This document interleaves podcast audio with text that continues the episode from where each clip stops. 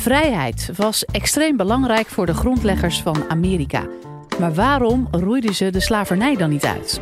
Simpel vanwege angst. Angst voor een enorme opstand van de slaven. In deze podcast vertelt hoogleraar geschiedenis Doeka Bosser van de Rijksuniversiteit Groningen je er meer over.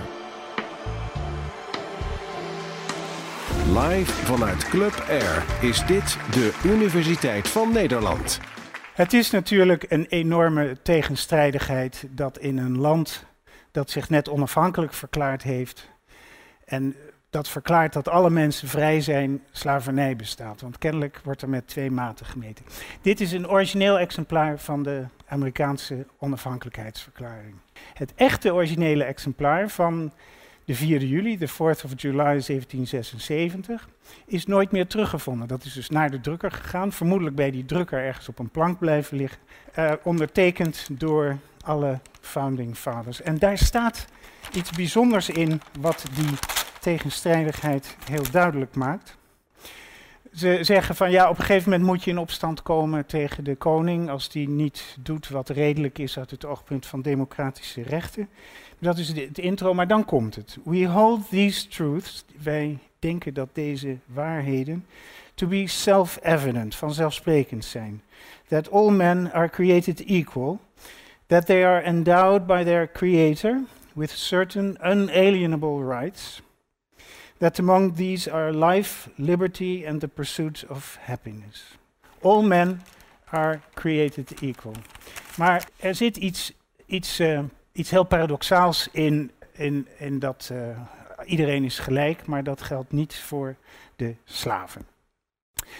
Um, de ondertekening van het uh, document, die, uh, van degene die, die dat in augustus hebben ondertekend, daar, daar valt op de, de centraal ge, geplaatste handtekening van John Hancock. Dat is de man die als eerste mocht tekenen.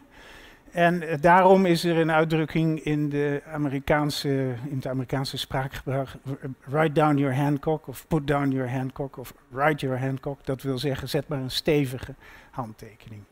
Nou, um, de Amerikanen willen ineens, het gaat heel snel, in die jaren zeventig van het Britse juk af.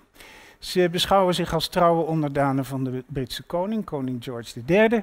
Maar de betrekkingen verslechteren heel snel als de Britse koning, of Engeland zou ik moeten zeggen, uh, ineens allerlei belastingen oplegt aan de kolonie, waarvan men zegt, ja, eigenlijk moeten toch belastingen niet vanuit de verte in dat moederland worden opgelegd, maar alleen maar door onszelf. We hebben ons eigen parlement, onze eigen volksvertegenwoordiging. Dus uh, uh, als wij niet vertegenwoordigd zijn in Londen, wat de kolonie niet was, uh, dan kunnen wij ook niet vanuit Londen belasting opgelegd krijgen. No taxation without representation. Nou, dat werd een hele harde strijd. de koning die, die had buitengewoon weinig geduld met de Amerikanen, stuurde legers, noemde ze rebellen en al heel snel kwamen de Amerikanen tot de conclusie dat het tijd werd uh, de onafhankelijkheid uit te roepen. 1773, dus drie jaar voordat het zover was, in december 1773, heb je de Boston Tea Party. Dan komen kisten uit uh, Engeland die zwaar belast zijn met die, met die Britse uh, belasting. Die, die komen in de haven van Boston aan. Die worden door de rebellen overboord gegooid. dat is bekend geworden als de Boston Tea Party. En de huidige Tea Party verwijst daar dus ook naar als uh, de daad van rebellie van burgers die zich niet de wet willen laten voorschrijven. Uh, er komt een commissie van vijf en de, boven de andere vier leden uittorenende figuur in die commissie is Jefferson.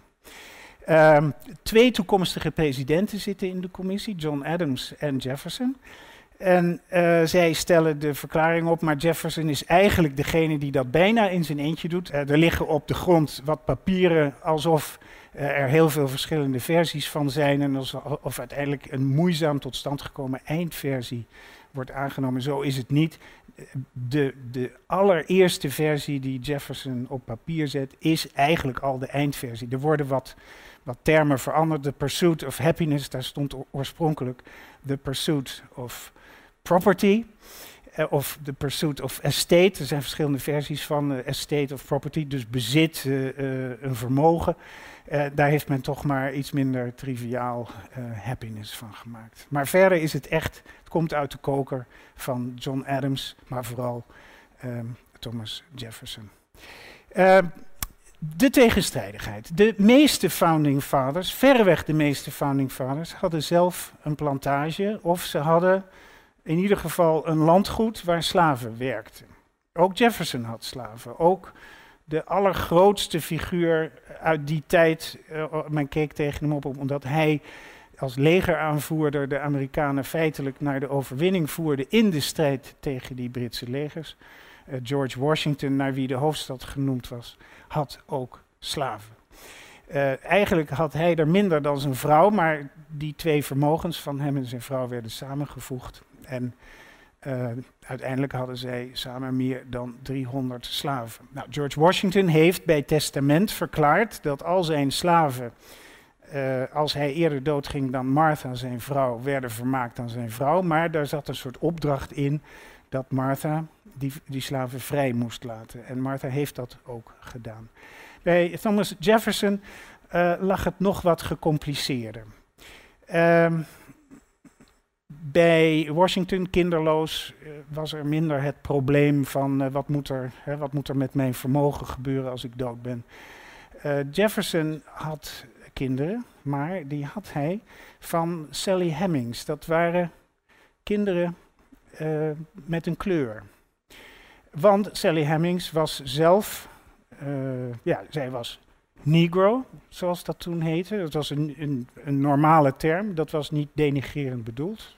Men zei toen nog niet politiek correct African American of, of black, men zei Negro. De plantagehouder of degene die slaven bezat, die had zijn hele vermogen zitten in dat landbezit in het werk dat daar verricht werd door slaven. Slaven waren kapitaal. Als je de slaven vrijliet, gaf je in feite je vermogen weg. En dat was één van de redenen voor de founding fathers die slaven bezaten, om heel genuanceerd, ik noem het maar even genuanceerd, te denken over uh, het recht van iedereen om vrij in vrijheid te leven. Dus all men are created equal, behalve uh, de zwarte. Sally Hemings is met uh, toen uh, Jefferson weduwnaar was. Dus het was niet een kwestie van overspel in het geheim ergens in een groezelige situatie. Nee, het was wat dat betreft heel netjes. Sally Hemings was Jeffersons concubine, maîtresse, hoe je het ook noemt. Een jong meisje onder de twintig. Zij was mee naar Parijs toen Jefferson ambassadeur van de VS in Parijs was. En in Parijs was net de Franse Revolutie uitgeroepen, 1789. En daar was onmiddellijk de slavernij afgeschaft. Dus de facto was Sally Hemings vrij op het moment dat daar de revolutie de slavernij afschafte. Uh, zij had toen kunnen zeggen, nou, uh, uh, Thomas, vaarwel, ik zie je nog wel een keer, de groeten.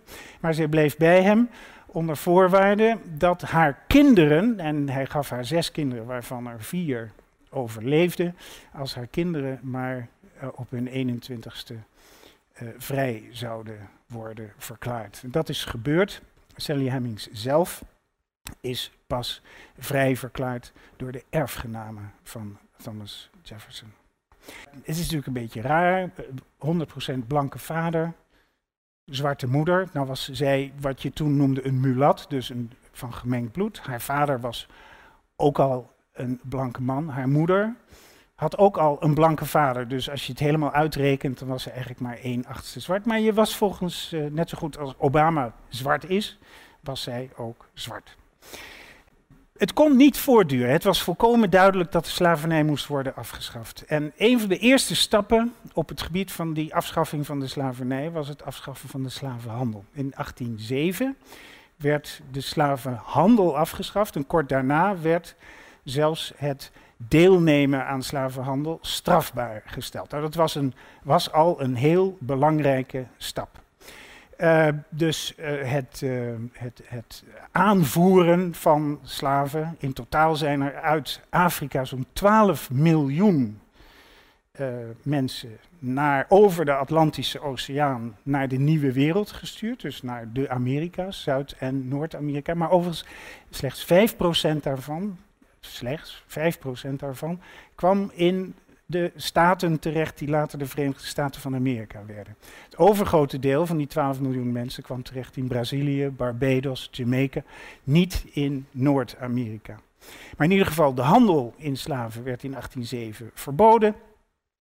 Um, het werd verboden to, uh, to, uh, to, besloten werd to prohibit, ik citeer even, the importation of slaves into any port or place within the jurisdiction of de USA. De handel binnen de VS werd nog steeds gecontinueerd.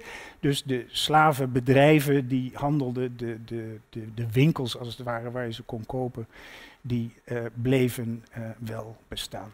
Hoe zat dat nou met die founding fathers en de angst voor het opheffen van de slavernij?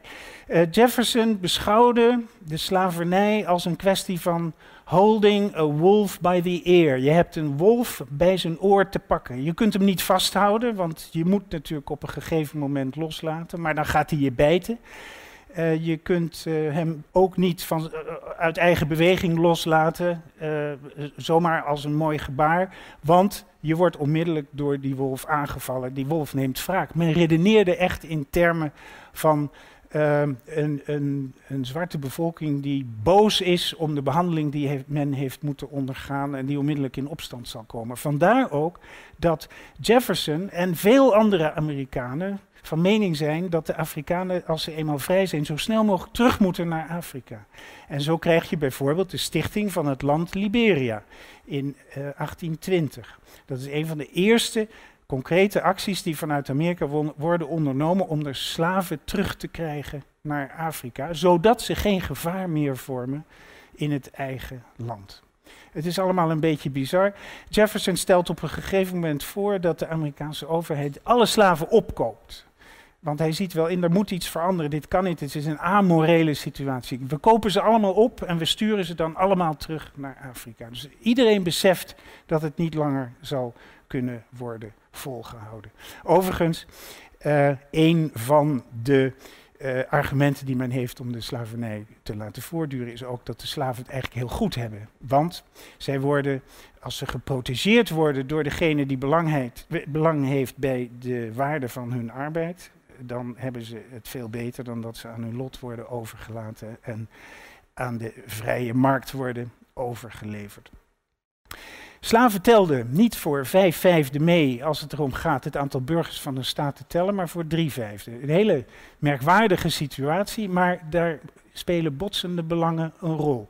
Het aantal vertegenwoordigers dat een staat had in het Amerikaanse Huis van Afgevaardigden was gerelateerd aan het aantal inwoners. Dus in het zuiden, waar men juist de slavernij wilde laten voortduren, had men er heel veel belang bij dat de slaven voor, voor, voor vol meetelden. In het noorden uh, wilde men natuurlijk de vertegenwoordiging uit het zuiden, uit de slavenstaten, juist zoveel mogelijk reduceren. Bovendien, en dat is dan weer een ander motief om het juist heel anders te organiseren, wilde men de zuidelijke staten ook veel belasting laten betalen. En daarvoor was weer nodig dat ze wel voor vol neertelden, meetelden. Nou, dat conflict dat heeft ertoe geleid dat men in de grondwet van 1787, want eerst heb je dus het land onafhankelijk, dan krijg je de discussie wat worden we eigenlijk voor land en dan duurt het nog zo'n 15 jaar voordat er echt een grondwet is. En als die grondwet er is, uh, dan, uh, vanaf 1787 tot 1790 wordt daarover gediscussieerd. Hoe gaan we dit dan doen? En uh, dan, dan, dan wordt dus besloten om de slaven voor drie vijfde te laten meetellen.